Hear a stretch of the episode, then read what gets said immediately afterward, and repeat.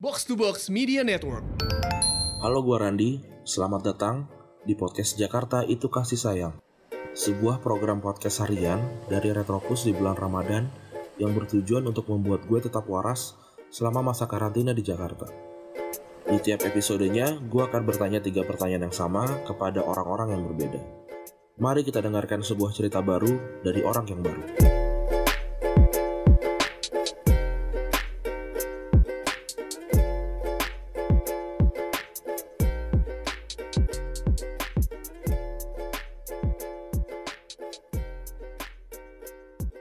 Jakarta itu kasih sayang episode ke-21 berarti sudah 21 hari 21 hari kita berpuasa dan ini orang ke-21 yang akan bercerita uh, kepada kita ini teman kantor gue, teman asumsi, editor asumsi. Um, udah lama gue kenal udah udah mau dua tahun, tiga tahun malah mungkin. Lama juga ya. Tapi seperti biasa kita kita ya udah lama ya, tapi seperti biasa kita uh, akan membiarkan orang ini yang bercerita dan memperkenalkan dirinya sendiri. Oke, silakan memperkenalkan diri lo. Ya jadi nama gue Emok, gue biasa dipanggil Emok. Cuman uh, nama panjang gue EM Omar Gibran kayak gitu. Hmm. Gue apa ya? Gue sekarang jadi video editor di Asumsi. Udah gue dari dari awal Asumsi ada lah kalau gitu. Kalau misalnya kayak lo Iya. nontonin Asumsi, ya itu kebanyakan gue yang awal-awal yang ngedit gue gitu. Karyawan 001 ya, Bodo Gojek amat. 001 ya kalau ya. nah, em, apa nih mau yang mau lu ceritain ke kita di sini? Nah, eh, jadi gue gue gue yakinnya sih sebenarnya semua orang juga merasakan hal yang sama ya. Eh, Ya. Tapi ini sebenarnya keresahan gue sendiri dan gue baru aware nih belakangan ini kalau gue tuh eh, apa ya merasa tidak spesial dalam artian semua orang tuh bisa apa yang gue lakukan dan memahami apa yang gue katakan atau gue pahami gitu loh. Hmm. Eh, contohnya adalah misalnya gue non gue gue ngedit nih kayak waktu gue sempet ngedit video asumsi namanya distrik. Hmm. Terus eh, produser gue sempat ngomong kayak selamat mu eh bukan selamat ya cuman kayak keren mu kema video yang Keren. kemarin Oh. gitu. Ter- terus gue cuman kayak oh oh ya udah gitu terus si produser gue tuh kadang-kadang bercandanya suka kayak bilang ah si Emo mah kalau diucapin selamat tuh tidak meres responnya tuh nggak nggak bagus gitu Hmm. tapi gue mikirnya kayak ya sebenarnya kan eh saya sebagai pekerja gitu ya hanya mengikuti arahan dan arahan itu kan dari anda gitu ya jadi ya ya sebenarnya lu nggak usah ngucapin selamat ke gue tapi ucapin selamat ke diri lo aja karena itu kan sebenarnya lu yang kerja gitu kan bukan gue Hmm. nah eh Tapi itu maksudnya mental itu tuh karena apa? Karena dari rumah apa segala macam. Karena kan gue kan ketika gue diucapin ulang tahun gitu sama orang-orang gue juga nggak bisa merespon dengan baik mm, karena tidak pernah sekali eh, tidak pernah keluarga gue tuh merayakan ulang tahun gitu. Jadi mm, gue nggak tahu nih apa yang harus gue ekspresi apa yang harus gue berikan apa apakah ekspresi berterima kasih gitu. Karena karena kalau buat gue ulang tahun tuh cuma sebuah hari hari lu lahir ke dunia gitu. Tidak perlu ada yang di dirayakan gitu. Tapi kan kalau kalau lu ngecek ulang tahun gue gue kan harus harus terlihat seperti seperti bersyukur dan Iya, iya. berbahagia gitu ya nah Iya. kalau lu kalau lu kayak kenapa Kena- kenapa sampai sampai bisa kayak gitu Hmm, eh mungkin kalau misalnya gue tarik ke waktu gue kecil gitu, tapi gue juga tidak bisa memastikan apakah ini benar atau tidak. Tetapi Iya. gue merasa bahwa rasa inferior gue ini apa ya eh, ada ketika gue waktu SD SD SMP gitu. Karena kan Iya. eh, jadi gue punya kakak. Perbandingannya itu kayak bumi dan langit gitu. Kalau misalnya untuk masalah akademis gitu ya. Kayak kakak gua tuh bintang pelajar di sekolahnya. Sementara gua tuh hampir nggak naik kelas gitu kan. Dan oh.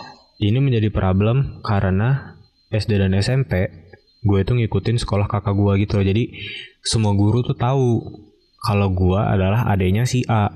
Dan beranggapan bahwa eh di treatnya tuh ya seperti kakak gua gitu. Padahal kan Hmm. ya saya nggak seperti itu kan.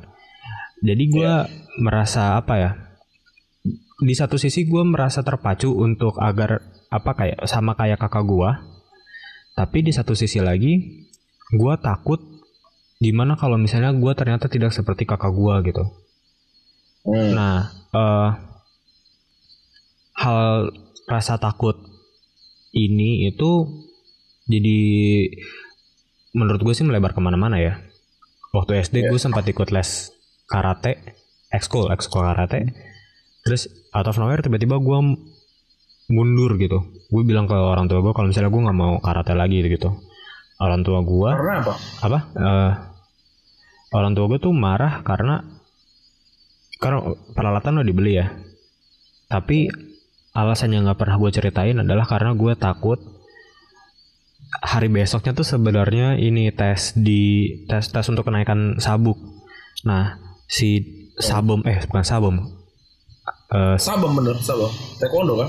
Eh karate karate ya? sensei nah Sensei. Oh, si senseinya oh, tuh ngomong oh, taekwondo. eh dia nunjuk gitu ada kayak ruangan kecil dia nunjuk ke situ nanti tesnya di sana satu-satu gitu. Ya, terus kan gue jiper ya. Sebagai eh, apa anak yang bertubuh kecil gitu gue kan dulu SD kan cukup abnormal ya. Maksudnya kayak kecil gitu badan gue. Hmm. itu tuh eh, gue jadi jiper gitu ngelihat teman-teman gue yang badannya udah gede dan si karatenya lebih jago gitu. Dan karena gue takut gagal jadi akhirnya gue mengundurkan diri kayak Oke, gitu berarti lu emang emang tipe yang nggak mau nyoba gitu ya? Emang emang lu tipe yang takut gagal gitu ya? iya iya iya gue tuh jadi problemnya adalah gue rasa takut gue untuk gagal tuh ter- terlalu tinggi menurut gue jadi gue takut untuk mencoba gitu loh jadi kayak misalnya Oke. ibaratnya gue kepengen bikin apa kan udah nggak biasanya kalau gue tuh mau bikin A nih udah menghayal nih anjir ntar Mhm. outputnya kayak gini Eh, terus abis itu kalau sukses seperti ini dan segala macam kayak gitu kan Iya iya. Aha. tapi di satu titik tiba-tiba gue kayak kalau misalnya lu gagal waktu lu tuh terbuang lumayan loh dan apakah lu bisa menghadapi kegagalan itu gitu nah Lu takut kayak dijudge sama orang gitu juga? iya nah ini nih problem problem sama gue adalah gue tuh terkesan dan gue sangat berusaha untuk tidak mempedulikan kata orang cuman Hmm. sampai minggu depan tuh sebenarnya gue masih kepikiran omongan orang itu gitu kayak aduh Hmm. anjir seharusnya gue nggak kayak gitu terus aduh Iya, kenapa gue ngelakuin kayak gitu itu itu salah satu problem gue juga sih kayak gitu Oke. Ya ini sebenarnya problem banyak orang ya Mm-mm. tentang takut gagal, takut takut diomongin orang segala macam. Tapi ya ya lagi-lagi kan gue juga cuma mendengar cerita ya Mm-mm. eh, cerita dari lo. Jadi gue gue juga tidak berhak untuk eh, harus harus tahu seperti apa sep- seperti apa. Tapi eh, ketika ini kejadian itu ya hal yang paling kayak anjir. Harusnya kalau gue nggak punya mental kayak gini, gue udah begini nih. Itu ada nggak? eh untuk berpikiran seperti itu sih enggak ya cuman Hmm. yang menurut gue cukup berbahaya adalah waktu jadi gue sempet kapan ya Eh dua tahun yang lalu atau berapa Hmm. tahun yang lalu itu tuh gue kan sempat putus ya nah Hmm. eh biasalah kalau orang putus kan lo langsung mikir kayak anjir ini salah gua eh Iya. terus abis itu pokoknya lu kayak menyalahkan diri sendiri gitu kan Mhm. Nah di satu ada di satu titik tuh kayak gua udah tidak mempedulikan apa pun gitu karena sebenarnya eh dari kecil tuh emang gua mempunyai apa ya tendensi untuk menyakiti diri sendiri gitu kan. Karena si Oke. kayak eh karena kegagalan itu gitu. Jadi waktu itu gue pernah dapat rapot gue dapat rapot jelek gitu ya. Terus kan biasa lah dimarahin lah ya. Nah Ya.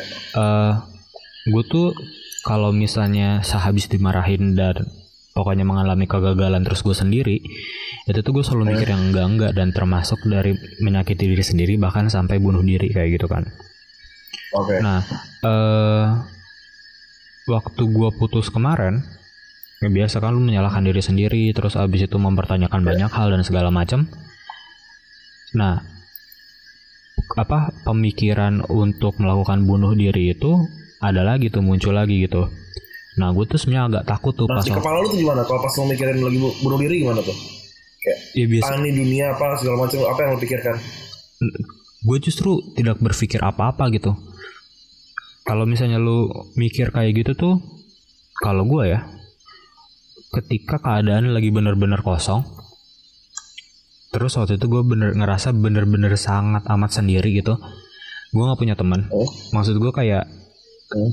Gue tuh nggak enak ngobrol sama teman gitu. Tiba-tiba kayak teman SMA gue misalnya kayak, eh gue ngechat kayak, eh anjir gue sedih dan sebagainya gitu kan kayak kalau misalnya mungkin kalau cewek mah kayak ya udah kayak tenang lo kayak nggak apa-apa Ngomong aja. Ah, lu cerita aja tapi kan kalau cowok kan kayak ih apaan sih Iya, Iya, ada Kak. toxic masculinity ya. iya nah kayak gitu kan nah, jadi gue tuh sangat menahan emosi dan karena gue waktu itu tidak punya teman cerita ya jadi aja eh apa merasa sendirinya tuh kayak kencang banget gitu. Dan dan dan menurut gue nggak ada yang bisa ngebantu gue gitu. Nah dari saya dari dari itu gue berpikirlah untuk melakukan bunuh diri itu. Nah Ya, terus? yang jadi problemnya adalah karena gue merasa semua orang bisa ya kan? Dan gue bukanlah. Sesuatu yang amat dibutuhkan. Eh Iya. gue merasa kalau misalnya gue meninggal kayak ya udah gitu. Eh, dunia kan tetap berputar ya bumi tetap berputar. Kalau misalnya Iya. kita datang ke pemakaman siapa gitu. Keluarga sedih iya nah sedih gitu. Tapi kan Hmm. sedihnya kadang-kadang tidak berlarut-larut kan maksudnya kayak nggak lama gitu. Iya, iya. Kayak Nah, kalau menurut gue ya itu itu sebenarnya mental yang bisa lo pakai juga ketika lo gagal. Kayak ya udah kalau misalkan gue gagal nih toh dunia kan tetap berputar orang-orang juga pada nggak peduli. Sebenarnya lo harusnya kayak gitu tau nggak ada yang Nah. harus sih tapi menurut gue kayak itu, it- it- it- dan hal ini sebenarnya gue juga gue juga bertendensi untuk ini kayak bunuh, bunuh diri tapi kayak gue bunuh dirinya tuh kayak udah karena gue pengen jadi klub 27 emang agak agak agak goblok. Tapi maksud gue tapi gue juga punya berpikiran kayak gitu. Dan yang gue lakukan ketika misalkan kayaknya gue bakalan gagal deh. Tapi ya udahlah orang kayaknya pada nggak peduli juga kalau gak maksudnya kayak Liano kan diomongin sekali kayak wah si ini gagal nih. Tapi besoknya juga orang bakal bakal lupa sih Ya. gitu kalau gue eh ya apa ya? Gue gue sebenarnya tidak pernah berpikir untuk apa kayak ngebalikin kayak gitu dengan mentalitas Hmm. mentalitas gue seperti ini gitu ya. Cuman karena ya yang yang gue bilang tadi itu yang gue takut duluan Hmm. jadi gue nggak berani mengambil langkah itu gitu loh gue sendiri kan Iya, sampai iya. sekarang eh kayak oke lah gue udah beberapa kali ke psikolog tapi apakah gue mendapat sudah mendapatkan penjelasan yang jelas gitu kan belum gitu gue gue sendiri iya, iya. masih tidak paham dengan diri gue sendiri gitu jadi ya itu sih jadi salah satu trigger gue adalah kemarin waktu gue berpikir yang macam-macam itu dan gue kayak ya udahlah kalau misalnya gue nggak ada juga kantor bisa nyari karyawan baru terus kayak gitu dunia Betul. tetap berputar jadi kayak ya udah kayak ya udah lu nggak bukan siapa-siapa gitu oke oke oke tapi ya seperti biasa ya ketika orang punya masalah kita kita sendiri yang tahu jawabannya gitu ya iya Sebenarnya kita udah iya. tahu ya sebenarnya iya tapi emang agak agak susah gitu. Oke, sekarang gua akan masuk ke pertanyaan gua ya. hmm. Kalau cuma ada satu lagu yang tersisa di, du- di dunia ini, lagu apa itu dan kenapa lu pilih lagu itu? wah banyak banget cuman Satu lagu ini lagu boleh apa aja kan apa aja? eh lu tahu ini gak sih Ran Hmm? Soranin Sorangin gak tau gue, kan tuh? Jadi ada film Jepang eh nama kalau nggak salah sih judulnya Soranin gitu. Ini, ini sebenarnya adaptasi dari komik Jepang gitu. Oh, Eh si Soranin ini penyanyi aslinya tuh yang nyanyiin lagunya Naruto. Soundtracknya oh Naruto. gak tau yang ah, yang pertama. nggak tahu gue pokoknya yang terkenal banget dah. Hmm. Kalau nggak salah. Oke oke terus terus. Terus abis itu eh, si Soranin itu menceritakan kayak ada sepasang remaja gitu loh ya. Ceweknya kerja cowoknya pemain band. Eh tapi kehidupannya segitu-segitu aja. Terus si cowoknya tuh eh kayak kepengen ngejual lagunya idealismenya dia buat uang biar dia bisa hidup sama pacarnya. Cuman si pacarnya kayak jangan lah lu nggak usah gue aja yang cari uang gitu. Kan namanya juga cowok ya jadi kayak punya Iya. Ego. Iya punya ego kalau misalnya kayak udah kan gue cowok gitu jadi uang harus gue yang menghasilkan gitu.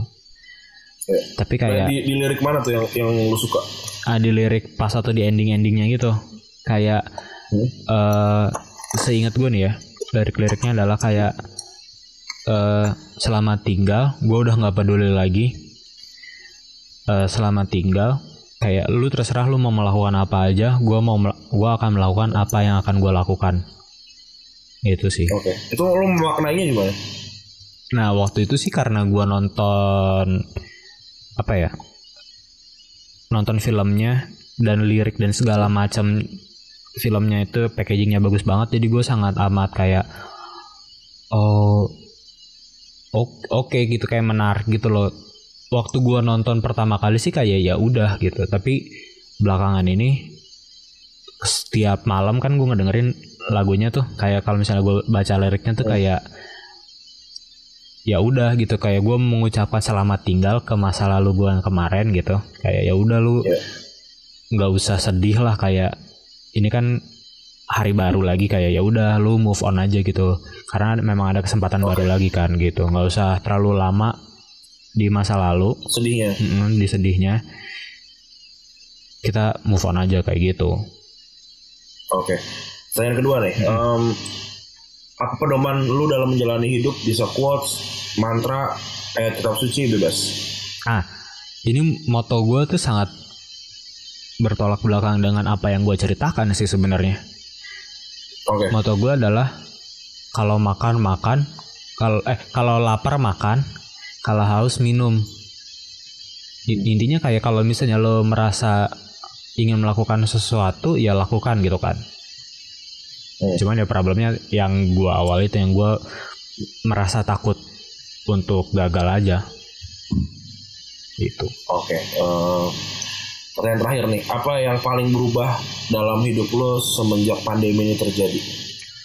Apa yang terjadi dalam hidup lo nih? eh gue merasa apa ya gue jadi gue lebih apa ya eh lebih terbuka sama teman-teman gue kayak misalnya kalau lu terus ada ke teman SMA gue gue cerita gitu ke orang-orang yang menurut gue sebenarnya kayaknya mereka ng- nggak mau mendengarkan cerita gue gitu. Tapi ternyata pas waktu gue cerita mereka kayak lu kalau ada apa-apa cerita aja sama gue mok gitu. Kayak lu lu nggak harus menahan itu sendiri gitu sih jadi gue kayak mulai ngerasain apa ya kayak oh ternyata lu mau ngebantu gue gitu makasih ya gitu itu sih yang gue senang Kadang mungkin orang tuh tidak tidak tidak bisa punya tidak punya jawaban ya, tapi ya seenggaknya dia punya waktu gitu. Iya iya iya iya. iya.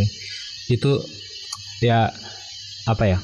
Karena gue tipikal orang yang kalau ngomong sembarangan gitu ya nggak difilter terus lah kayak gitu kayak acuh tak acuh. Kalau kalau dulu sakit, sakit hati ya malah orang ya. Iya. Jadi gue tuh kayak ya udahlah dan gue nggak bisa ngefilter kayak oh orang ini kayaknya enak nih bisa diajak cerita oh yang ini enggak ya kayak gitu gitu nah itu gue nggak tahu tuh gue baru taunya ketika gue kemarin dalam tanda kutip jatuh ya kayak oh ternyata lu Nah, bisa ya eh, kalau kalau tentang ekonomi dan segala macam, kalau kita kan kantor kan alhamdulillah ya kinerja THR udah turun. alhamdulillah yes. Ini ini ini gaji ketiga berarti kan di tahun bulan ini adalah gaji ketiga kita di rumah ya. gaji kedua Berarti kita udah hampir dua setengah bulan, tiga kali gajian kan kita di rumah. Kan Oh ya bulan kalau termasuk THR ya. bulan iya enggak yang kita kan da- dari Maret April Mei kan pas banget di rumah kan Maret kan di akhir di akhir bulan tuh Iya iya iya iya bener bener. bener. kita iya kan Iya. tiga kali tiga kali gajian di rumah kan Hmm. tapi alhamdulillah kantor-kantor nggak ini ya nggak nggak ada masalah terus juga ya walaupun kerjaan eh, makin gila sih sebenarnya ya Iya karena Eh, kita belum biasa sama bentukan kayak gini So, makanya. eh, bener apalagi apalagi sebenarnya kita tuh hitungannya tim muda gitu yang yang belum menghabiskan waktu banyak bareng Iya. gitu. Jadi ketika kayak gini agak emang agak suka back and forth tentang diskusi iya gitu. sih. kagok gitu Kagok bener. Tapi semoga eh, lu tetap sehat-sehat juga, keluarga juga tetap sehat. Semoga tidak ada yang eh, apa ya terhambat lah sama pandemi ini. Semoga cepat Amin. juga pandemi ini. Oke. amin amin amin, amin. Sehat-sehat terus. Em, terima kasih teman-teman yang sudah mendengarkan episode ini. Em, semoga semua juga sehat. Selamat berpuasa. Gua Radit cabut. Bye. makasih